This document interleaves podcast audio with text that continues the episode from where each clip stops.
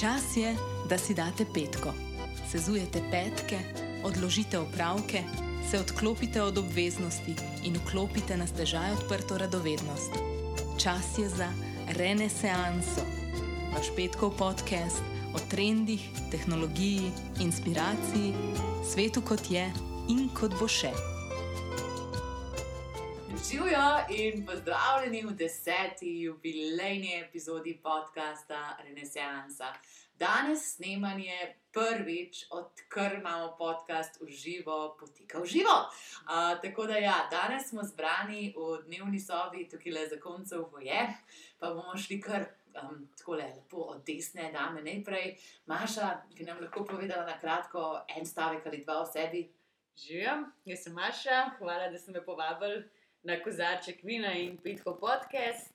Um, sama se ukvarjam s spletno prodajo in sicer z izdelki za ljubljenčke, ravno kar sem začela svojo poslovno pot. Tako da sem zelo motivirana, zelo sičena in uh, ko me čakam, da vidim, kaj prinese. Jaz pa da nam prevzameš Instagram profil, ki ga ne znamo preveč dobro upravljati. Maša in Primož sta drugače par, tako da zdaj nadaljujemo s temi našimi prezentacijami. In sicer Primož, kaj si kaj delal v zadnjih dveh mesecih, ko se nismo videli? Um, a moram po prioritetah ali lahko na splošno začnem metati ven stvari, se, s katerimi sem začel ukvarjati. Lej, definitivno, glede na čas, ki sem ga porabil, je bilo med top tremi stvarmi peka kruha. Oh, wow. ja, to smo tudi slišali v uh, deveti epizodi uh, za Nito Šumor in Drožo Manijo. Uh, naučil sem se kar nekaj uh, novih akordov, tako da lahko na kitaro zaigram Opa. par komadov, ki jih dejansko lahko prepoznate. Imajo obljuben, da sem naučil kakšnega od Vilija. Sem hotel jih vprašati, če že znaš. Ja, ja, ne, ne, So lažje to tudi. so laže, bojo rifi, pač karkoli od uh, pop dizajna in Vilija resnika. Mm, kaj sem še delal? Učil sem se. Um, Megan protestira. Um, Pravi, da ne. Ja, raziskoval, bral, um, predvsem pa sem se, se mi zdi, uh, malo umiril, uh, sprostil, uh, se spet malo najdel, malo ustavil uh, to non-stop divjanje. Tako da se mi zdi, da sem uh, primaž za noškar uh, verzija 3.0 zdaj, če lahko rečem, post-karantena. Mislim, da ko osebe začnejo o sebi govoriti v tretji osebi, da je čas za politično kariero, tako da mogoče danes pridemo tudi do tja. Tako sem se hotel že kakšno politično parolo vršiti, pa sem se raje premislil, da se ne bom že tako opredelil. Spremljate mojo uh, politično kampanjo. Okay, drugače pa danes nazdravljamo z enim luškanim džinom, ki ga je prinesla Eva iz Pitchbudi Plena.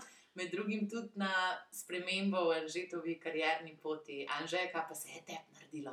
Uh, res je, jaz sem pa nedavno tudi ja, zamenjal pozicijo, se pravi, uh, sem se pridružil marketinški ekipi na IKEA Waterblocks, kjer delamo izjemno uh, cool hladilne sisteme za ja, vodno hlajenje računalnikov, kar je še posebej aktualno za kakšne gamerje, pa tiste, ki res hoče največ iztisniti svojih procesorjev.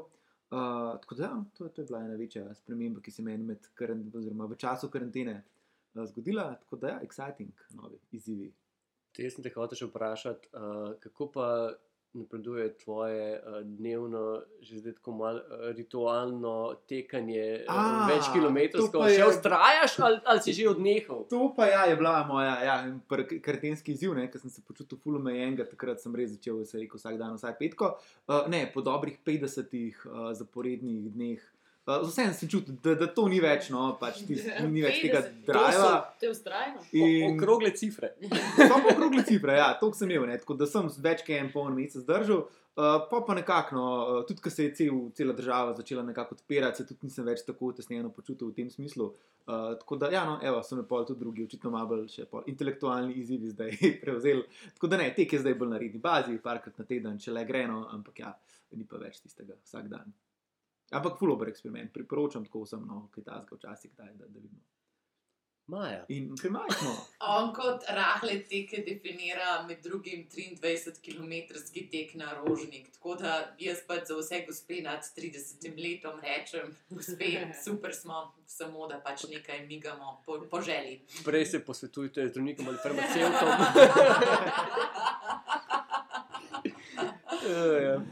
Dobro, super in danes sem se želela pomečkano pogovoriti z vsemi vami, ki ste tako pomembno sokreirali ta podcast od idejnih začetkov, ki so bili nekako jesen 2019. V mestnem času se ni naredilo nič, potem so pa marca začeli zelo, zelo, zelo lepo snemanje um, na organski način. Takrat, ko so ideje dovolj dozorele in hvala Bogu, pač tako, da sta nas Maša in Anže pač skozi podpirala pri tem in se tudi aktivno angažirala. Um, veliko stvari je, ki se v zadju ne vidijo. Montiranje epizod, to, da se naredite prave poste za nadružbene omrežje. Tako da, ja, ni vse samo ta prijeten pogovor, ki ga imamo, ogromno dela gre še v zaledju, ampak s to energijo, ki nam jo dajete nazaj, pač naše občinstvo, predlogi, vsi tisti, ki radi z nami v petkih in med vikendih, um, hodite na rožnik, kosite travo, tečete, delate marsikaj in se skupaj pozibavamo v teh dinamičnih idejah, novodobne realnosti. Um, ste razlog, zakaj smo tukaj, zakaj ustvarjamo, kaj nas žene naprej. Tako da najprej ob deseti epizodi iskrena hvala vsem vam, ki nas poslušate. Hvala. Hvala. Super ste. Če bi kdo rad bil na podkastu, naj kar piše, se bomo že zmenili. Mi mislimo, da so naši poslušalci vsi zelo fascinantni in z veseljem, v veliko čas nam je, kadar najdemo eno tako dobro kombinacijo nekoga, ki bi se pa v pogumu pa prišel nekaj povedati. In mislim, da kot moderatori, da smo mi kar prijazni. a ne? Ja, moram reči, da je ta po, pogostitev z vinom in prigrizki, mislim. Zaenkrat, če ne, če bo pa, pos, eh, pos, se pravi, eh, kako se že temu reče, neposlušanost. Ja, poslušanost padla, bomo pa mogli raditi malo bolj provokativni, a veš, malo bolj tako. Uh, Kako bi ti rekel, žuta štampa stil, bomo mogli tudi kakšne take malo bolj uh, A, Podtalne, ja, ja, ja. Kakšno je pa vaše uh, spolno življenje, recimo, ne? Ampak samo za Pa se namene. to nam je en koži ste skoraj ga povedal, poznali. ampak sem ga zelo hitro utišala. Saj to- Tako da Zaenkrat se še ne bomo posluževali teh uh, te, tehnik uh, velikih uh, založniških oziroma pač uh, teh uh, cajtank uh, firm. Čeprav malo se je že zelo skazalo o tem, ampak je pa vnaprej opozorila, da to bo provokativno vprašanje. ja, ampak ja, znamo, znamo tudi. Ne, puno je zanimivo, pač če si pogledamo nazaj, a veš, kako smo v bistvu sploh prišli na to idejo, da snemamo, kaj je bil naš zakaj, kaj nas je motiviralo, da sploh gremo v to zgodbo. In sicer, lej, brez kakršnega koli, mislim, kritiziranja prostora, ampak zdelo se nam je, da je prostor za neke take pogovore, ki so rahlo bolj sproščeni. In sicer kolegi iz stand-up komedije se takih zadev že lotevajo, mi pa smo v bistvu na podoben način poskušali priti v to našo sfero, no, kjer se mi družimo, se pravi v poslovni svet, v svet ustvarjanja digitalnih medijev, v svet komuniciranja in Ja, v idealnem svetu bi vse snimalo živo, vsi vemo, zakaj to ni ratal. Um, pa bi kar šla, mislim, na začetku, pa zdaj z Anžetom, da gremo drug krok urinega kazalca. Kaj je tvoj oseben, zakaj? Zakaj tebi kul cool snemati podcast, kaj želimo s tem vse doseči, zakaj to delamo? Ja, predvsem je kul res tako, ko se že sami sprašujemo, komu bi dal vse glas, koliko je enih zanimivih oseb okoli nas, ki počnejo fascinantne stvari. Ne? In da damo neko platformo, da lahko pa to res povejo na en malo bolj sproščen način, uh, da malo daljši, če hočemo. ne. Uh, da res predstavimo čim več zanimivih uh, likov. Uh, to, plus to, no, da je itak že kot uh, sam format podcasta mi že od nekdaj blizu, tako da mi je že tleno fascinantno. da tudi Sami potem to, to, kar smo do zdaj spremljali skozi ušesa, a ne, da tudi te, uh, se sami preizkusimo o tem. Ne pa pozipaca, pa naučil si se montirati, pa pač enkor uporabljati, pa vse to, to tehnologijo sta naštudirala s Primožom, tako da res vsaka čast, um, to je bilo super. Primož, kaj pa je tvoj oseben, zakaj? Ej, jaz iskreno Maja po tistem. Po tistem, tisti najni noči, ko so prišla na idejo. To se počutim, slišiš? Ja, ja, ja, ja, ja, ja, ja, ja, ampak nisem, Ti, ti, ne, ne, ti, pazi, ti, ti. pazi, nisem da sama, več nas je bilo. Ogromno je bilo, verjetna zabava in to se že Ja. boš slišal. Jaz sem videla video, vse Ja, ja, Maša- to Maša imaš vse ve. Ja. No, ne, pač, Gledati ga bi- moram. Vse skupaj nastale iz enega tazga, pač iz ene preproste šale, uh, bom rekel, za jebancije. Um, in potem je to pač ostalo nekaj časa pri tem, pri tem posnetku, ki je nastal čist iz, pač, uh, iz, iz, iz zabave. Um, in potem, ko sem začel razmišljati o tem, da bi to lahko bil pač naš nek nov format, nek, nek nov podcast, moram reči, da sem se počutil malo nelagodno, ker je bilo to pač full izven mojega komfort zona. Um, jaz pač nisem bil navaden nastopati kot nek host, nisem bil navaden nastopati v nekih pogovornih oddajah, bil sem navaden nastopati, ampak samo pač kot plesalec že dolgo, dolgo časa nazaj. Tako da je bilo meni to, moram reči, me je bilo strah. Sem imel kar par noči, ki sem o tem razmišljal, pa sem bil tako malo, "A, ne vem če, ampak moram pa reči, da mi je pa to full dobra izkušnja in da se mi zdi, da v oddajo bolj uživam in mi je super, ker spoznavam nove ljudi. Um, in se mi zdi, da tudi pač na ta način smo malo nadoknadili to, kar je manjkalo v času karantene, tega druženja, sedenja nekje ob kozarcu vina, ob svečah, nekje v, Ljubljans, v stari Ljubljani in smo se pogovarjali o vsem mogočem. In se mi zdi, da je to točno ta format. sedite? Ne vem, ki ti, mi sedimo točno v tem takem setupu, kot sem rekel.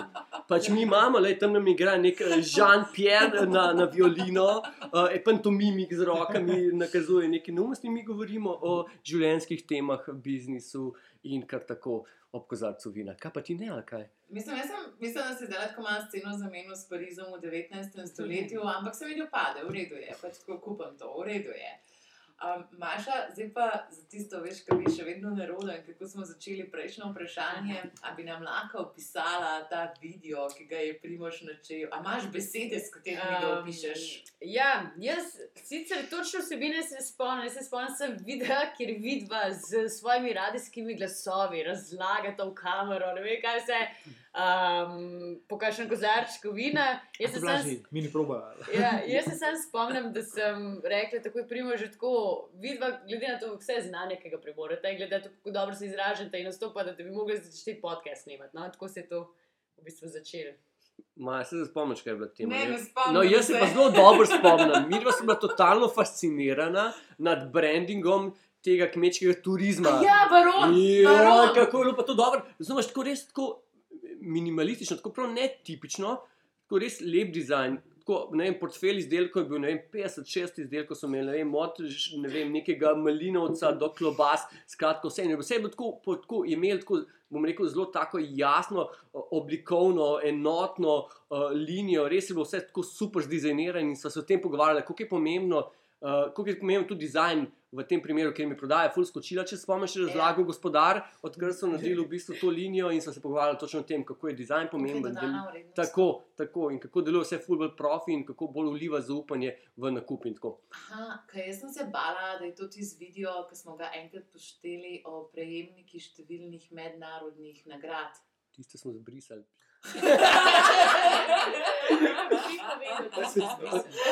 Ne, ne se je tudi malo združila, mislim, ta celotna ideja ironije. Uh, oziroma, lej, zdaj bomo pač tako, ful bomo korektni, ker jaz pač cenim vsakega človeka, ki se trudi, vsi cenimo pač tako, da ima vsak eno svojo pot in eno svojo dojenco.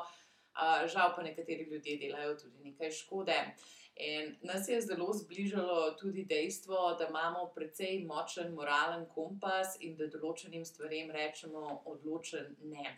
Začeli so se screenshotani razno raznih oglasov, začela se je ena messenger skupinca, o kateri ne bomo preveč razlagali, ampak ja. To, kar vemo, kaj hočemo, imamo tudi jasno predstavo o tem, kaj so pa stvari, ki za nas niso sprejemljive.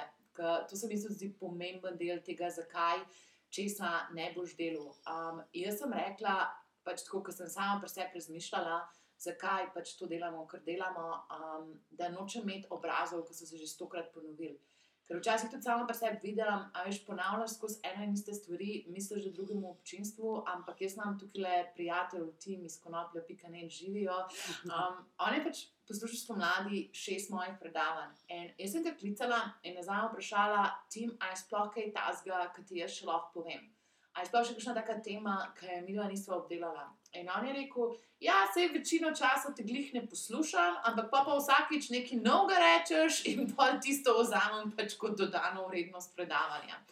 In v podkastu sem se hotel temu tako eksplicitno izogniti, ker ja, narava mojega dela je taka, da velikokrat ponavlja mene in iste informacije. Zakaj? Zato, ker je glas moj medij. Glas je moj medij, s katerim učim ljudi, s katerim predavam, predajam informacije.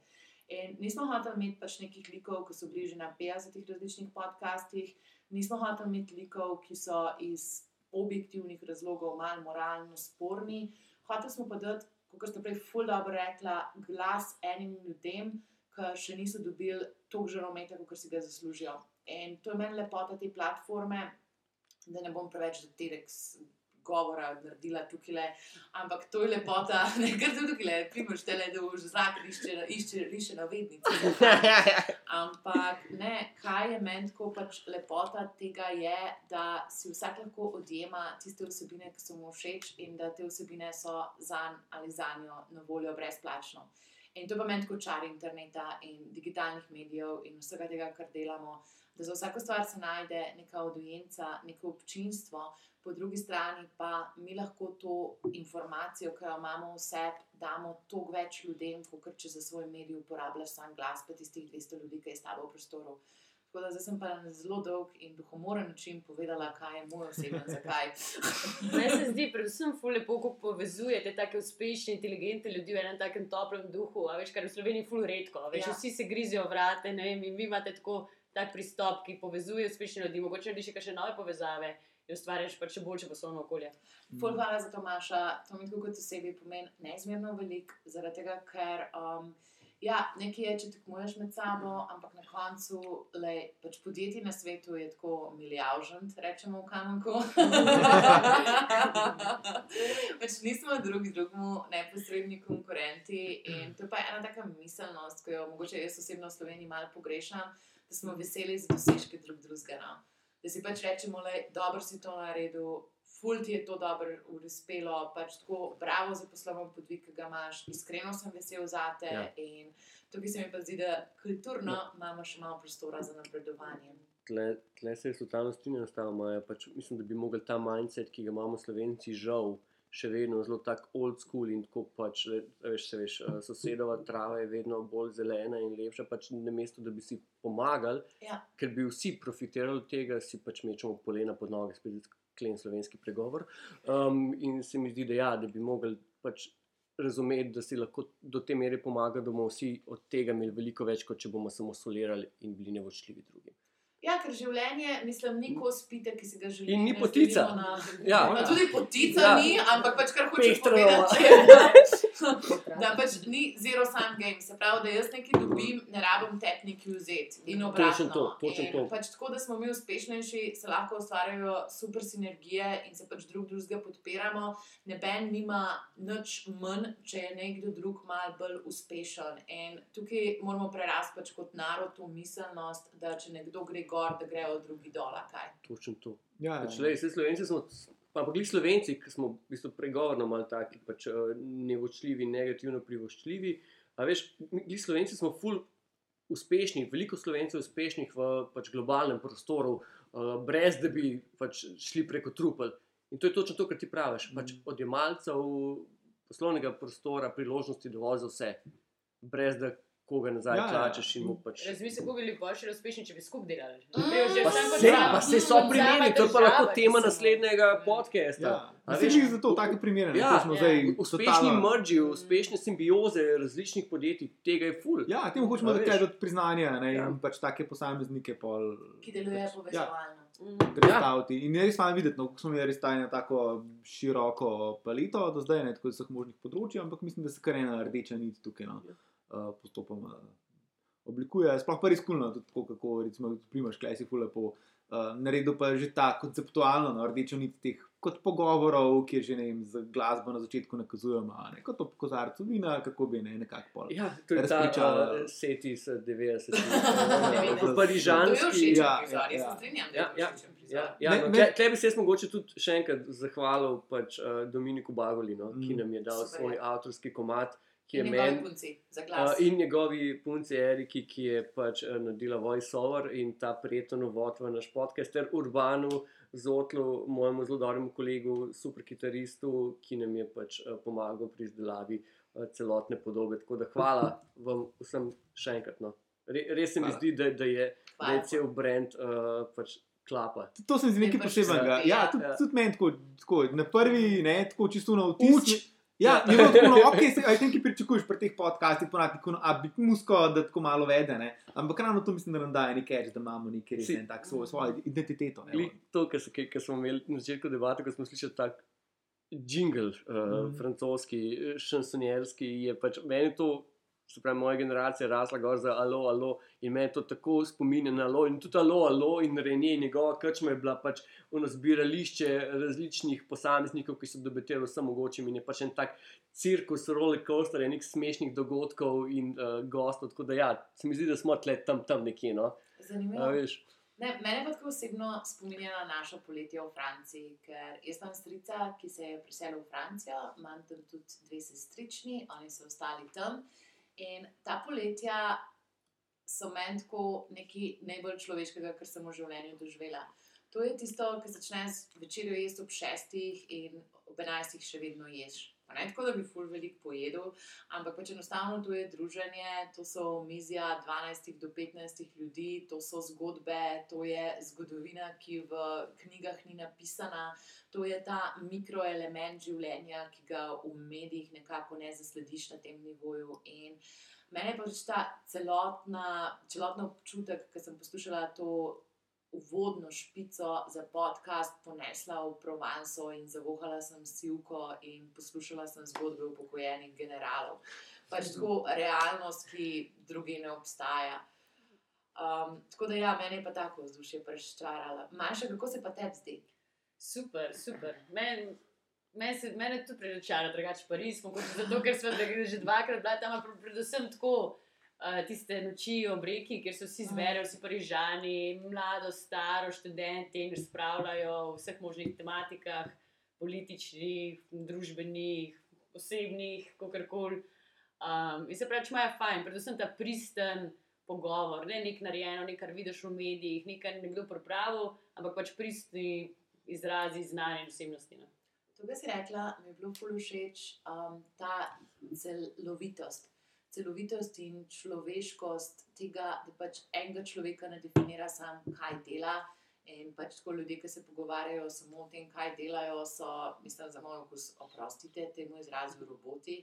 Um, jaz mislim, da človek je pač to bolj dim, večdimenzionalno bitje in to, da si znaš vzeti čas, da znaš uživati, da živiš pač življenje, ki je celostno, da te dela božjega človeka, da enostavno pač si prijetnejši človek sebi in drugim. Omenila si, moram tle skočiti. Da, pač izvoli. tega, ker sem se totalno najdel. Pač omenila si um, pač to Provanco, omenila si pač to kulturo francosko. Pač jaz, recimo, ne počivam v miru, ne bom nikoli pozabil pač enega edinega šefa, Antoni Bordena, ki je pač meni Uh. bil velik, velik vzornik. In pač v njegovi uh, knjigi, autobiografski, pač razlaga, kako je svojo mladost preživljal uh, v Provanci. Um, in tudi pove, da se v bistvu zaljubil v kulinariko. Prvič, ko je probal, pač, se pravi, oysters, kaj je to pač Ostrige, eh, ja, ostri, ostrige. prvo ostrigo. In takrat je on v bistvu s unim prvim požirkom, ko je pač to pojedel, se je on odločil, da hoče spoznavati nove okuse. No, in točno to se mi zdaj pečala. In to je to, pač je ta pristnost povezana z naravo. Ta mal hedonizem, uživaštvo, male stvari, preproste stvari. In to je točno to, kar mi hočemo, po mojem, doseči. Pač. A veš? To je Absolutno. to, In- s to in navezo. ja, Res, ja. res, hvala, pa se pravi, Metu ne bodem počel v miru, res, za me še vedno en največjih ljudi, kar sem jih pač imel čast uh, spremljati. Tukaj je koristno, da se to pogovarjamo tudi iz tega vidika, a veš, da zdaj na začetku je bila ena ideja. Se pravi, ideja je bila, mi hočemo narediti podcast, mi bi ful radi, da pač to je nekaj tasga, ki bi se mi zabavali ob snemanju tega, ampak pol, ki pa, mislim, pride toliko neverjetno zanimivih ljudi iz toliko različnih področji življenja, pa začneš ta ključna sporočila ven vzemati. Um, Maša, kaj je bilo, naprimer, tvoje najljubše sporočilo iz kjerga koli renesansa podcasta? Hm. Kaj si si najbolj zapomnila? Uf, težka. Bilo jih je veliko, zdaj če bi mogla enega izraziti. Zelo dobro se spomnim tega zadnjega, zdaj mislim, predzadnjega podcasta se mi zdi z Mašo Mazi. Uh, v grafičnem oblikovanju, v tem v bistvu, kako je subjektivna percepcija pač dobrega oblikovanja in teh primerih, to se mi je najbolj vtisnilo v spomin. V bistvu zato, ker mi je to zelo fascinantno, kako v bistvu svoje vrstna percepcija vpliva na svet in na dojemanje tega sveta. In to je sploh v marketingu ful, zelo pomembno, ne, kaj komuniciraš in v dizajnu in posod, tako da bi rekel, da se mi je to no, najbolj vtisnilo. Ej, ful, hvala za to. Amazing. Um, nekaj podobnega je rekel tudi Daniel. Um, On je rekel pa o subjektivnosti poročanja, oziroma o pomembnosti uravnoteženosti poročanja. Se pravi, da ne moreš na eni strani pripeljati nas na okroglo mizo in na drugi strani Tončka iz zgornje Radgune, ki vidi vesolce, ko je pijan in jim ne domestiti 50-50 medijskega prostora, ampak moraš pač tako malo uravnotežiti stvari. In ja, te percepcije, to je kar zabavna stvar, ne? kaj naši možgani počnejo, je kar zabavno. Kaj pa ti primaš? Kaj se meni najbolj Kaj pa je tvoj tisto stvar, ki jo poneseš od Joie de vivre. Lej, um, kaj, kaj jaz odnesem, ponesem? Mislim, mene moram reči, da, da sem imel par teh uh, momentov, ki so bili zelo zanimivi.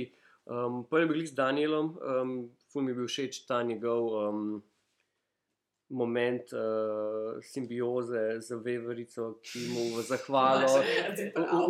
Ja, v- zahvalo, v zahvalo za, za lešnike se mu je podelila na, na okensko polico, kar se meni zdi pa čist fair. Lej, lej, točen to, an eye for an eye. Um, drugače pa tudi, ja, moram reči, da, da mi je bil tudi recimo, pogovor z Mašo, mi je bil zanimiv, zato ker je bil pač dosti iz moje branže. Aha. Um, in sem um, sva res imela neko tako debato, ki bi v resnici imela, če bi se dobila na, na eni pijači uh, v, v Ljubljani. In pač to je to, da je pa ta tretji moment. Um, mi je bil pa, pa za, za Drožomanijo, za Nito Šumar in za uh, največjo fenico uh, Facebook grupe Drožomanija uh, Sanjo. Uh, je bilo pa tudi ta revelation, ker nekaj sem dojel, da je v bistvu zadaj za to peko ful bogata zgodba. In me totalno presenetilo, ker sem nisem mislil, da je to stvar, ki se je dogajala 150, 200, 300 let nazaj in da obstaja na nizozemskem knjižnica o peki z sourdough tehniko. Knjižnica obstaja, by the way. Wow. In njo so povabili, da ni največji pač mojstri, da je pač bila uh, del te skupine in se je tega takrat odločila, da je napisala knjigo. Tako da, če slučajno ste folili to epizodo, si jo prosim poslušajte, ker je naphana z Predvsem bi jo zanimivimi pre- informacijami. priporočila vsem eh, ženskam, naj navdušijo svoje fante, ker mi jaz sem imela med karanteno vsak jutr svež kruh. Vsako jutro sta to, uf, Vsak celo. pa sveže pice, vsak Ej, večer, tako da. By the um, way, to je proces. To bi se še jaz malo predstavljal. Želi si prehitro, jaz pravim testno obdobje, pa si pa odločiš. To je tako kot z avtom, en testen krok, prej se še odločil za kandidirati za 10 let. Če Pa veš, Dobro, kaj dobro, mislim. naslednjič se imamo prvo, jaz se podpišem po to, v redu je. A, že še kaj želel izpostaviti? Ne, ne, ne pač jaz, jaz na splošno pač moram reči, da, da ful težko izberem, kaj mi je super, ker mi je v bistvu čist vsaka minuta, ki jo pač damo čez super in moram reči, da se ful učim od teh ljudi in izkušenj. Tudi se mi zdi način, ki ga, uh, način kako mi uh, vodimo pogovore, se mi zdi, da se ljudje ful lepo odprejo in se mi zdi, da so informacije res koristne in pač zanimive. Ja, meni je tudi tako nasplošno zanimivo, si- sicer pri formatu podcastov, kako včasih tisti drugi del, ne po kakšne pol ure še Ja, bolj zanimiv postane. Kako tek? Ja, Ja, ja. na teku. Mm. Kot po se dveh kozarcih vina, recimo. Ne? Ja, A veš, ko, ko se tisti, ko se tisti, tiste eh, blokade uh, sprostijo, ko se mal pač uh, nasplošno uh, se cela klima mečka. Ja, Ko se tako. začutimo, ko konverzacija steče. a ne, Tako kot tako zdaj, da- ne? Ja, recimo, tako kot zdaj. Evo, lih, na pol ure smo. A pol se imamo. ja, točno, ta hip. Uh, in ja, recimo, ne vem, že s Simonom Blakom je bil po enem primer, sicer Ja. yeah. naša tudi najdaljša epizoda doslej, ne, ker tudi potem 40. zmajo, res sploh v drugi polovici. Vse od filozofije ne, in to, to pač Noro, nekako je šla v ozadje ne, vsega, kar ga že Ampak vas jaz lahko vprašam nekaj. Zdaj pač deset epizod imamo, pač da smo kar nekaj zanimivih tem. kaj mislite, kaj bi mi rabili zdaj v naslednjih epizodah? Imate Bomo kakšno? potem šli naslednji A imam, a imaš ti že to dokončan. Okay. Ja. Ja, sej, sej, sej, sej, čisto. Ne, ampak naprimer, govoril si o Simonu zdaj. Ja, ne, ne, točno to. No. Da, da pač m, to, recimo, ko se je pol, po- pol ure ne, in to še več odprlo, to povezovanje podatkov, filozofije ne, in tega. Kje je bila tvoja taka misel, ki si jo vzel v življenju podcasta? Misel od življenja. Um, eh, po mojem, je res točno to, no? kako je fajn, uh, mislim, kako potrebujemo poleg tega te strokovnega, a ne, Ja. uh, strokovnega fokusa, tudi nekaj poleg tega, kar nam daje širino, zdaj je to literatura, filozofija, karkoli, no? ampak kako moramo tako balanced gledati na stvari. Tako da, ja.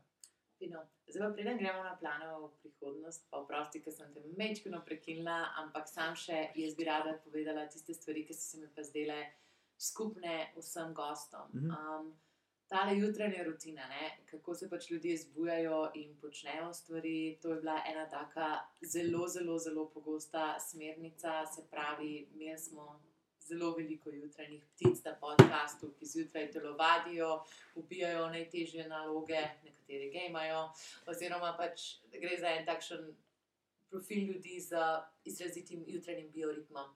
Druga stvar, ki sem si jo zelo, zelo, zelo zapomnila od teh, ki so bili iz podjetniških vod prišli, je bilo to, da ljudje bojo vedno mislili, da si malo neumen, ker delaš stvari, ki jih delaš.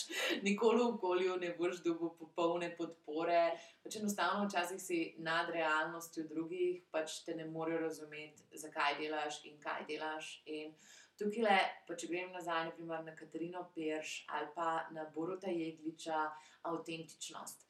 Pač to, kar ti si, ta glas, ki ga imaš, te stvari, ki ti v življenju nekaj pomenijo, ki jih rad počneš, to ima vrednost. In ni tako, veš, da kar kopiramo neke ljudi in pač upamo, da bomo zaradi tega srečni, ker je nekdo drug srečen, ampak vsak ima eno svojo pot. Tako da ena izmed najbolj pomembnih lekcij pri meni, pa isto je tudi pač Markalin rekel, kako se je pač tam v Ameriki ne tako zafrkaval, je um, bila ta ustrajnost, oziroma to, da ne glede na to, kaj se ti bo naredil, da ne odnehaš. Um, zanimiva, mislim, meni čustvena epizoda je bila z mojim bratom, zaradi tega, ker pač on je lej, oseba, ki ji namenjam zelo veliko moje misli in mojega prostora v življenju. In tista njegova zgodba, kako je v bistvu to drugo podjetje, ki ga je začel, ne, um, kako pač tudi, ko se nekaj včasih ne izide, kako najdeš vseh moč, da greš naprej. Ful sem vesela, da imamo platformo, kjer lahko govorimo tudi o takih zadevah. Um, pa sta pa tukaj še pač Aida in Stela, uh, ki sta ženski, ki me inspirirata na dnevnem nivoju, z načinom, kako pač sklepata odnose z drugimi ljudmi, predstavljata svetu ene svoje ideje, a pa produkte, inovirata, konsistentno komunicirata in pač dve sta res vsaj v pač tem svetu osebnostnega znamčenja in pojavljanja na socialnih omrežjih, pač moje vzornice. Jaz mislim, da one dve delata stvari zelo lepo, zelo organsko, zelo srčno in sem totalno uživala v pogovorih z njimi. Tukaj mi je pa en takšen teden, no, ki smo imeli pa še malo, temu se reče empowerment oziroma opolnomočenja. Um, se pravi, kaj pri ženskah včasih zelo, zelo, zelo, zelo, zelo problematično je sindrom usiljivca, oziroma to, da se ne počutiš ureden stvari, ki se jim dogajajo, da ne ponotraniš nekaj kot svoj uspeh, ampak da ga čutiš v bistvu, kot da ga nisi ureden. In čez to, da imamo čez podcast možnost, da damo in premaši mazi tudi, ona je tudi podjetnica, fantastična miselnost. Um, pa Eva, mislim, toliko je bilo takih primerov, zdaj sploh, mislim, upam, da nisem naredila komu krivico, ker ga nisem naštela. Ampak to so tiste zgodbe, a veš, kot takrat, ko ti je težko, si misliš, ej, če potem koncem uspel, bo pa meni tudi, pač tako inspiracije so ti. In Maša zdaj pa pač podala žogco še tebi, um, ti pa zdaj si na podjetniški poti. Um, to je zelo stresen začetek, pač tako totalno, totalno, totalno ni lahko. Um, kje najdeš tiste, tisto motivacijo oziroma tisto inspiracijo, ki te žene naprej? Ja, sem se glih hotela navezati na to, kar si rekla, ker že res sem tak. Po, začela sem veliko podcastov poslušati, predvsem, eh, ker je Jure priporočil veliko teh e-commerce podcastov. Uh, in tudi vaš se mi zdi da zato, ko predstavljate te zgodbe, ki se zdijo tako običajnemu človeku, ker ne verjame vas, sploh v Sloveniji, ker je težko biti zelo samozavesten, prvi Ja. zaradi tega, ker smo se premenili. Se mi zdi, da daje ti upanje, da ti tudi to zmoriš, da ti tudi to znaš. Ker se mi zdi, da sploh inteligentni ljudje imajo to veliko znanje, pa se jim skozi zdi, da nič ne znajo, dvomijo vse. In se mi zdi, da gre ravno taki podcasti in taki pogovori z uspešnimi ljudmi. Ti dajo to motivacijo, to samozavest in pa seveda podpora ljubljenih, ne, to vedno, ker padeš dol, da ti pač rečejo, ne, ni tako, kot si misliš, si drugač, put ti gre dobro in ti pač dajo ta zagon. Tako da bi rekla, taka skupnost in pa pač osebna podpora ljubljenih. no. Bi lahko rekel, da je pač cel povedala. podcast tako zelo dostopen, človeški, Tako, organski. tako, ja. Ni se- to, da se ti zdijo totalno nedostopni, ti uspešni, veš, ne vem, multimiliarderji, ki misliš, da ti Ne. ne bo nikoli uspel, ker nimaš vespa, ampak so taki pristni, pametni, inteligentni, ljudje, sposobni ljudje, ki te pač motivirajo, da tudi ti postaneš tak. Se lažje postaviti z njimi. še na ena nekem- stvar, ki v sklopu tega, kar si zdaj le Maša ti povedala, ki je meni zelo pomembna pri istovetanju, je to, da ljudje povejo tudi svoje napake, svoje šibkosti, tisto, kar jim ni uspelo, se pravi, da nimamo skozi sam, kako smo mi jaki, imaš to, the best, ker tole, to ni realnost. Pač realnost je to, da včasih se ti ne da ostati iz posle, včasih pač imaš težave v družini, včasih se po nesreči zrediš za pet kil, ker ješ Mm. čokolino vsak dan, pač tako ljudje imamo svoje težave. In... Točno tako, če se lahko na to navzamem. Tudi meni je bilo ja, težko, ker imam tako zelo zahtevno, kritično mati in pa se vedno bojiš enega neuspeha ali pa tako nasploh, če si tak. Um, v bistvu te to paralizira, ne, ta strah, ki, ki je v bistvu čist brezvezen, no, načeloma, ker smo vsi dovolj Pa- sposobni. Je realno, če gledamo, večina uspešnih zgodb, globalnih, je nastala na podlagi kar nekaj 100, 200 tisoč neuspehov, predtem, preden je rata Mm. pač neka zgodba res Starbucks, na uspešna. Ja, Starbucks je lep primer, ki bi vsak, sploh po slovenski mentaliteti, po parih poskusih, recimo desetih, že obupajo, on pa šestih še vedno. Gonil, Ja, ja. isto, uh, isto vizijo in mu je potem na koncu ratal. Pa ni bil edini, se tudi če ste gledali Foundere, recimo, pač, kako je McDonald's nastal, zelo podobna zgodba. Ja. Pač najprej človek prodaja sesalce, no in potem je pač Mhm. ratal uh, lastnik cele franšize. Tako da ja, jaz mislim, da pač uh, moramo malo bolj verjeti vase. Moramo pač, uh, hvala Bogu, imamo pač tudi preko našega podcasta možnost se povezati z ljudmi, ki so štatali iz podobne pozicije kot mi in se lažje poistovetimo z njimi in lažje v bistvu najdemo nek bom rekel, motivacijski faktor, ki nas žene naprej. In vedeti, To- da so napake del Točno to, vsega. Bistvu exactly. brez napak si nikamor ne Ja, prideš. ja, ja. ne- to, Ja, ja. radi. Mislim, napake so ključen del Ja. uspeha, če me vprašaš. Ja. Ne pa tudi ta psihologija, kaj se ti vse dogaja na poti. Jaz sem se skoraj začela jokati, ker je Aida razlagala, kako je študirala v Združenem kraljestvu. In potem je rekla, da je dva meseca pred zaključkom dvoletnega študija skoraj obupala. Da je klicala mami in rekla, jaz hočem priti domov. In da je mami takrat rekla, ti ne boš prišla domov. Če bi mi to en mesec rekla, predtem, ko si se upisala, ok, zdaj dva meseca pred zaključkom študija nimaš šans, da prideš domov. En, tukaj je pa še en takšen element, ki pa meni totalno všeč, je pa še mal ta trda ljubezen. Se pravi, na začetku smo um, razvili empatijo, so pač povedali, da nihče ni popoln, um, zdaj pa pravimo, da je disciplina. Nič ti ne bo prinešeno hriti, noben ne bo dela naredil na mesto tebe. Um, rutine so take, da pač začneš delati zgodaj zjutraj in včasih ne nehaš do pozno zvečer. Tako da to je pa ta igra, ki jo moraš sprejeti. In klede sem še ena opomba, ne poveličujem tega, da se dela cel dan. Jaz mislim, da so to pač ekstremni rukeri, ki jih pač podelaš. Nikakor ne mislim, da je pametno in super, da 16 ur na dan garaš. Ampak to je včasih cena, ki si jo, ki si jo moraš plačati. In pač tako na koncu vidijo vsi sam pač avtomobile in kdo se kako oblači in kakšno torbico ima. Mm. Ampak ta življenjski stil, ki se pa živi, pa lej, ostane v tančici. In kaj meni ful pomembno še, da se iskreno pogovarjamo, no, je um, kakšna je cena, ki jo za kaj plačamo. Ja, ne se treba vedeti, mislim, tudi to prednje, ki ste že omenjali, je ta, seveda, selection bias. Na koncu zgodbe, ki so predstavljene v javnosti, so večinoma na koncu pozitivne. Ja. Veliko več Ja, pa seveda, ja. predtem neuspehov, Ja. ja. slepih ulic, uh, ovinkov. Ne, Sam to tukaj pa bolj oprostijo, že Ja. ja. prekinjam, ampak tukaj pa bolj tista, a veš, koga vprašaš za nasvet. Mhm. Jaz pač tako rečem, nikoli ne bom za ljubezenski na svetu vprašala kolegico, ki je samska. Ker ne bom vprašala, kako shujšati kolegico, ki ima 120 kg. In Seveda. mi Je zelo bed to reči, ampak načeloma pač tako poskušaš Seveda, svojem življenju ampak stvari od tistih, ki Tudi kolegica, Ja. ki je v srečnem razmerju, ima tudi verjetno prekšno negativno izkušnjo. Ja. Tako da- pa Ali to- Absolutno. mogoče je v razmeru, ker nisi. Ja, To je iceberg efekt. Ja, no. ja, tako sem tako hotel ja. reči, da te uspe, uspehi ne smejo paralizirati, ker se Ja, dogaja absolutno. vsakemu Točno to. tudi pač in vodijo na koncu. Točno to, pa tudi- ne.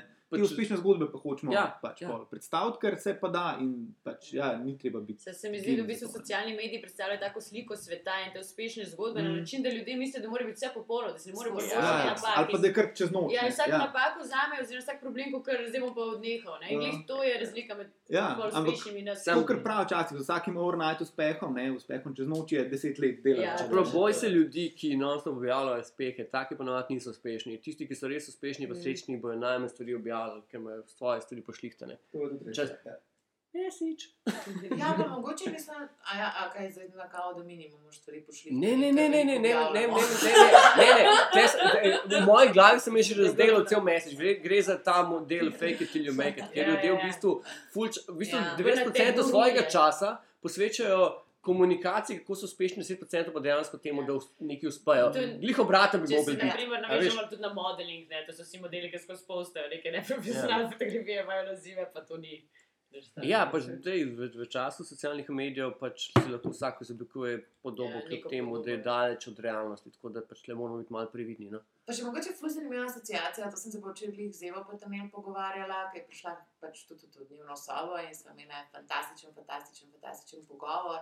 Um, zelo taka banalna stvar na nek način, ampak ona je objavila par Instagram zgodb o tem, kako so se ji naredili mozoli. Kako so se ji pač zaradi stresa naredile akne na koži, in je pač tako dobro namerno vprašala svojo skupnost za nasvet. In nazaj je dobila 150 ne sporočil, ampak romanov. Kako so imeli ljudje tudi take izkušnje in kaj se je pač to vse naredil. In tukaj pa res pač tisto, a veš, hočem dati eno tako pohvalo našim gostom, da so zelo pogumni ljudje. Govorijo o temah, ki niso prijetne.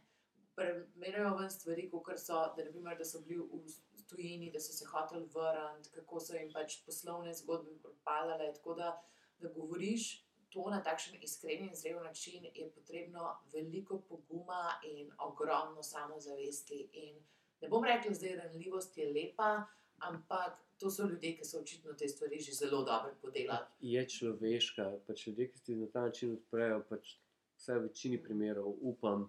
Pač so iskreni, zato je tudi nagrajeno, v bistvu, za tem, da si ljudje vzamejo čas in jim pomagajo. Ja, zato je tudi odziv tak, se mi zdi, zdaj Pač- nek res pristen pristop, ima zelo velik odziv na, tudi na družbenih mrežah. Vsi smo krvavi pod kožo. Glih, Ja. glih v času, ko so pač vsi fake, ko vsi kažejo, kako so ne vem, bogati, imajo hude avtomobile, hude, ne vem, partnerje, whatever, po resnici živijo doma z mamo in pač fotkajo soseda v avto, ker je pač un bogat. a Veš, je to res tako svež veter sprememb. Pač, dej, dej, priznajmo si, vsi smo pač krvavi pod kožo, vsi imamo svoje probleme, le dajmo si pomagati, ker si lahko. In pač skupaj smo še močnejši. Ne, ne- pa fake, zato ker pač dejansko nam to ne bo dalo pozitivnih rezultatov, vsaj ne na dolgi rok. Ne, zdaj smo očitno nazaj pač na avtentični, pa- na avtentičnosti, pa kako pomembno je pač biti iskren sam do sebe in imeti svojo zgodbo. Um, preden gremo na plane na prihodnost, bi se jaz dotaknila samo še enega področja in sicer številke. Anže, a bi bil tako dober, da bi nam malo povedal o številkah? Kar mislim, da imamo en ta klip, uh, 33, se pravi, ok, tole je zdaj naša deseta epizoda, do zdaj se kar lepo za vsako novo epizodo nam raste poslušanost, tudi za nazaj, ne podcast je tak zanimiv format, ki včasih, ki ga odkriješ, bi kar še šel za nazaj poslušati in kot vidimo, se tudi uh, starejše epizode lepo nabirajo še vedno dodatne poslušalce. Um, tako da ja, uh, ene epizode beležijo že kar več kot 300 uh, poslušanj. In s tem smo po prvih dveh mesecih zelo zadovoljni. Da, Ja, potem so pa pač te lestvice, ki so zelo zanimive. Včasih si med top 5, včasih si med top 35. Uh, ja. malo še ja, raziskujemo te algoritme. Meni smo, še ni jasno, kaj se dogaja, ampak to je v redu, to je v redu, to ni panike, to bomo že pogruntali. Um, pomembna je ta konsistentno snemanje, a ne to, da stalno objavljaš. Ker po mojem, če bi mi zdaj za dva meseca izginili, a bi se ti gut počutila, Maša, če bi za dva meseca izginili brez pojasnila. Mm, No, bi preživela, Ja. bi ja. preživela, bi vas pa pogrešala, Se je vedno lepo, sicer je moj ljubši podcast izginil za dve leti in je prišel za nazaj. Ne? In Si zelo Ja, vesel, ko pol vidiš, pa, da se nekaj v svoji ja. aplikaciji. Ne, ampak za enkrat jaz čutim, da imamo neko družbeno pogodbo, se pravi, mi si vzamemo pač čas in snemamo te epizode, vi si vzamete čas, nas poslušate, po možnosti tudi kdaj pa kdaj ocenite, to tudi ne U, bi ja. bilo slabo. Dajte nas ja, oceniti, To bi bili zelo veseli. please. Ame bo Na vseh kanalih. dobesedno vsakemu kupim vin, ki nas bo ocenil. Ne, ne. Kozarec, ne flašo. Dejansko vse povabimo kot goste, naredimo eno tako jubilejno epizodo z največjimi fani. Dvignimo čaše. Pa ne- Nalimo si čistega vina. Ne, boš Ne, tako- vse lepo pomaga. odkriti. Pa- in Predvsem pa no, tudi nam povejte v komentarjih, smo na Facebooku, smo na Instagramu, tako da tudi tak kvalitativen Pa feedback. valjda, pa tudi če kaj vam ni kul, Je pa tudi zelo pomembno. povedati. Ja. Lej, mi, mi, smo, mi smo začetniki, mi smo te začeli, rabimo vaš feedback. Sam tako bomo Kaj vam je všeč, kaj vam je malo manj všeč, koga bi še želeli slišati, kakšne teme vas zanimajo.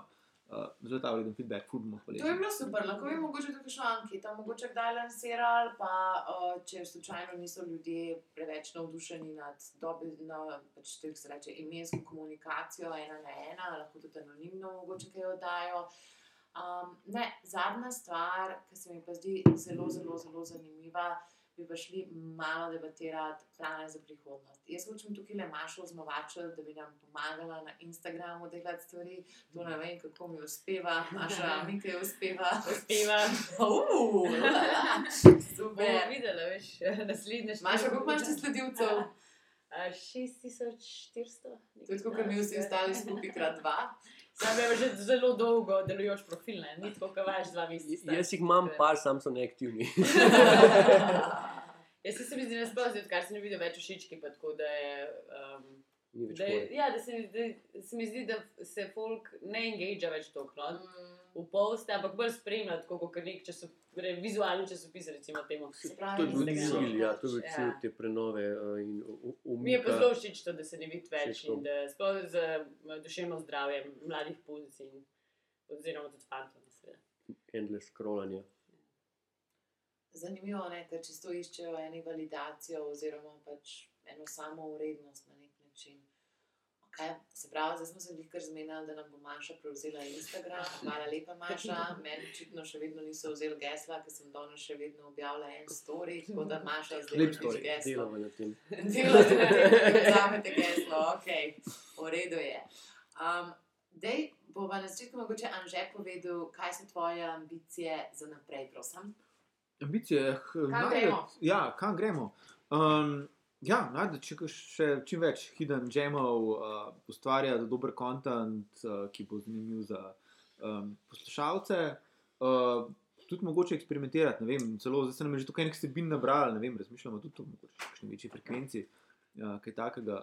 Tako da, Eksperimentirati. Načeloma, ja, me- skaj, meni imamo tukaj beseda. grov strokovnjakinjo. ne, Ja, pač, pa, pa, pa, probamo še kaj novega. A imaš kaj ta zelo eksotičnega misli, ali samo pač več epizod na teden? Pustimo za enkrat, če ima. Pustimo ja, se ja. presenetiti. Spet odprti smo za predloge. Um, ne, pač men, jaz bi nadaljeval s tem tempom, da če bomo pač imeli šanso, pač lahko uh, pač, uh, level upamo, kako se temu reče. Um, ampak v osnovi se mi zdi pa, da, da je to točno to, kar pač uh, nam trenutno paše in kar bi radi pač delali naprej. No. Mi smo imeli eno idejo.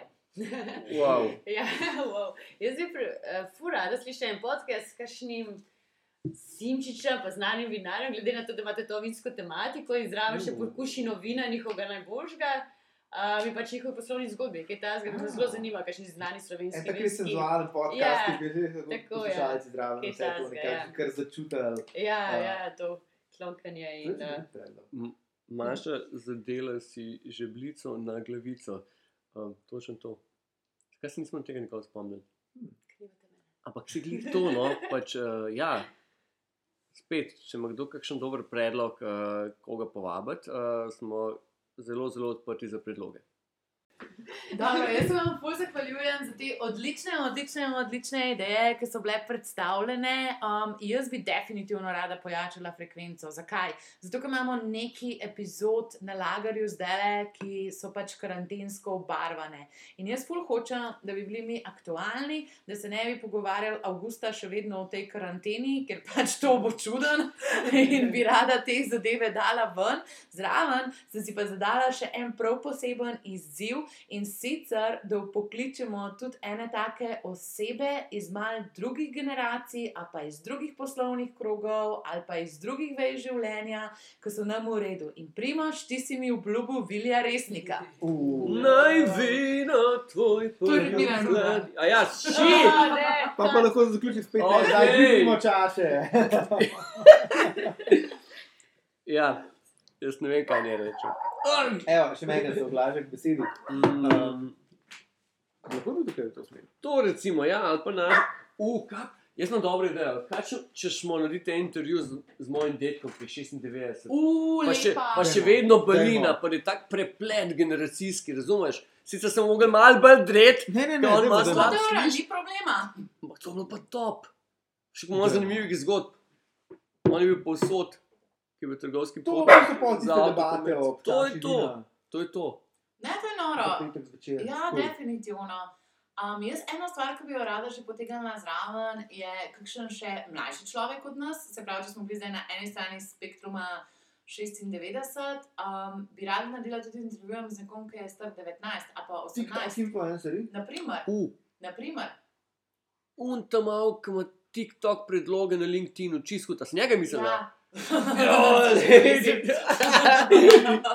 Posinkani smo. Ne, tako da je super, jaz se ful veselim, kako bomo snemali. Sicer zdaj pač počasi se pripravljamo na poletje. Um, mi bomo definitivno pridno um, zalagali epizode vsak teden, to se ni nad zabat. Boste lahko jadrali z nami, se vozili z nami, vse, kar radi počnete poleti.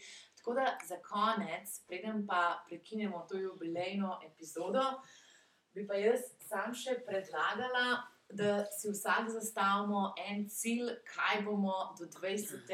epizode izboljšali. Pa bomo začeli kar s tabo, primaš. Zakaj vedno mene najdeš? Jaz moram razmisliti. Um, Pa bomo pa začeli s tabo, že.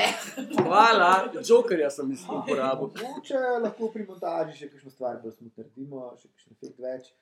Kaj pa video? A bi se kdaj upali video narediti? To je bila dobra ideja, sem že razmišljal, Mm. da bi recimo na YouTubu tudi objavil celo epizodo, pa video. O, ja. Zdaj res je kulno, da je konec uh, karantenskega obdobja, upam, da tako ostane, da bomo lahko pa snimali na lokaciji. Uh, dajmo se to, da vsaj za enkrat da probamo. Ej, ful dobro, hvala. The best. Uh, ker Primo še razmišlja, oziroma zdaj že neki s prstom name kaže, ampak jaz ne bom vzela tega namiga, bom šla kar do Maše. ja, vem, grozna sem, bejač. Maša, kaj je kakšna taka stvar, glede na to, da si ti tudi pač poslušala večino epizod, uh, ki bi nam ti svetovala, da se lahko izboljšamo? Mm, Jaz bi, nas, bi vas definitivno tudi rada videla na videu. Oh, wow, Ja, bi bilo fulušno. pa tudi, Um, mogoče bi bila zanimiva ideja, glede na to, da imate vedno v enem kozarčku vina, da bi imeli v vsakem podkastu drugačen vinček in bi imeli še tudi rad. Mogoče še kakšne sponzorska sredstva, ne vem. Uh, Ja. drugače se mi EPP. zdite, pa super, no? ne vem, če bi kaj spremenila. Hvala, ne, mislim, da tole vinsko sponzorstvo pa take zadeve, da si spet dala eno tako izhodišče, ki nam je vsem všeč. Zdaj pa primoš, Hm. odar je tvoj. Ja, eh, hvala. Se bolj razmišljam, da se umenila pač ta uh, vizualni del. Se bolj razmišljam, pač, kaj paše k nekemu takemu spontanemu, sporočenemu večeru uh, ob kozarcu vina. Ja, pač imamo tudi kakšne goste, ki ne samo govorijo, ampak tudi če kaj zaigrajo, zapojejo, točno to, odigrajo. Recimo. Uh, Jaz- mogoče lahko pokaže svoje naučene kitaristične No, ja- ja- jaz bom recimo pač eh, kakšno od Vilja, ki je drugače od uh, Rudana, ampak le, takrat se bom to že naučil. Ampak ja, jaz mislim, da, da lahko, no, tako kot je recimo zdaj imel Val 202 in podobni, ki so imeli štekane, bi tudi imel mogoče kakšnega gosta imeli, ki ne bi samo govoril, ampak bi še kaj drugega. Mogoče za plesu. Jaz so ogromno ljudi. video, ker podcast ples ne bi Ja. bil glih Saj Zdaj, zdaj, govorimo, zdaj govorimo o Video, podcastu. dobro. O vlogu. vlogih. Ja, recimo tako, kaj tasga. No? ne vem, a pa da mogoče naredimo kakšen izziv, recimo tekmujemo v čem. A veš, Kot tedenski marketinški izziv. gamificiramo, oziroma gamificiramo. Super. Ja, to je bilo zelo dobro. Pa ne v kozarci popitega vina, ampak o čem mogoče manj škodljivo. Pokvaril si. kozarčkov, ja, za A. Ne, ampak ja, zelo dobra ideja. Zame je tako izziv še osebno, poleg tega, da želimo vedno najti neodkrite talente oziroma talente, ki si zaslužijo več žarometa. To, da bi začel snemati še malo krajše epizode, se pravi, take, ki jih imaš za 10 minut, ko sprehajaš psa, ali pa tako, vem, imaš tranzicijo, ne primaš ne za okopalnico. Tudi za okopalnico, no se jaz ne vem. Priročno. Tako bo delo, kar V je redu je. skratka Ja. epizoda. Ja, krajše epizode. Pred spalno. To je bilo super. Um, žal nas veliko krat zanese na dolgo stran pogovorov, ampak to je čisto en takšen hedonizem, ker so teme dobre. Um, definitivno nam pa tudi vi javite, kaj je dolžina epizode, ko bi bila vam optimalna, glede na aktivnosti, ki jih upravljate, medtem ko poslušate podcaste. Um, mislim, da smo lepo, lepo, lepo zacirkulirali čez vse, kar se je dogajalo v zadnjih parih mesecih, čez deset naših epizod, čez plane, čez refleksije, čez to, da smo Mašo, da si Instagram menedžer oklicali um, in naredili plan, kako bomo najdel vinskega sponzorja. To so bili taki zelo proaktivni predlogi. Um, čisto za konec, da imamo vsak nekaj povedati za poslušalce. Tako je bilo, da je Čisto to za dragi konec. poslušalcem. Ne, ne morem samo povedati, da so the best, kako smo mi Ne. veseli. Ne, ful smo veseli. Jaz, jaz sem ful presenečen, pač, ko smo se spravili, spustili v to, nisem vedel, kaj pričakovati in moram reči, da so vsi odzivi ful pozitivni in ful fenomenalni. Tako da se še enkrat zahvalim v- vsem, ki nas podpirate, ki nas poslušate in ki pač z nami živite ta podcast. Tako da hvala. Ja, jaz tudi vsako epizodo, no, tako nekaj novega, rekel, se naučim, oziroma tudi vidim, da doseže neko novo občinstvo. Ja. Uh, tako da to je res fenomenalen občutek in ja, hvala, ker nas poslušate. Um, ja, kot rečeno, vseh feedbackov bomo ful veseli in ja, se poslušamo naprej. Jaz sem na najbolj na svetu vesela, ker mi je mami rekla, da razume podcast. Ker tistih predavanj, pač, kot jih imam jaz ponavadi iz stroke, um, pač pravi, da lepo zgledamo na slikah, ampak da ne vem niti o čem se gre. Tako da to, da smo najdeli eno tako temo, ki je dovolj življenjska, ki je dovolj široka, aktualna za en širši nabor ljudi, uh, ki podpira ene zelo zanimive teme v življenju, je za me osebno en takšen zelo velik napredek. Jaz sem zelo vesela in zelo navdušena, če se mi tudi kaj povežemo in če nam date kakšno povratno informacijo, ker še enkrat, um, brez vas nismo nič. Brez vas smo kljub ljudi, ki v dnevni sobi gledajo v mikrofon. To je to. Nov mikrofon. Do mikrofona, Ej, ok. Ampak A, a lahko Maja, jaz zdaj povem, pač Daj, daj. sem šparil, pa sem, nisem vedel, ne rečem ali ne, ampak pač tudi moja mama, pa se moja mama mene podpira, valjda me podpira vsem, kar sem delal, tudi v neumnostih, žal. Uh, ampak um, tudi ona je rekla, pač, da sicer ni vsega razumela, ampak da je bil pa prav zabaven poslušati. Tako da tudi to je en tak kompliment, no, ker se mi zdi, da delamo nekaj prav. Tudi če niso vsi ljudje ful. Uh, bom rekel, domači v tematiki, da je še vseeno dovolj zanimiv pogovor, da ga pač poslušajo.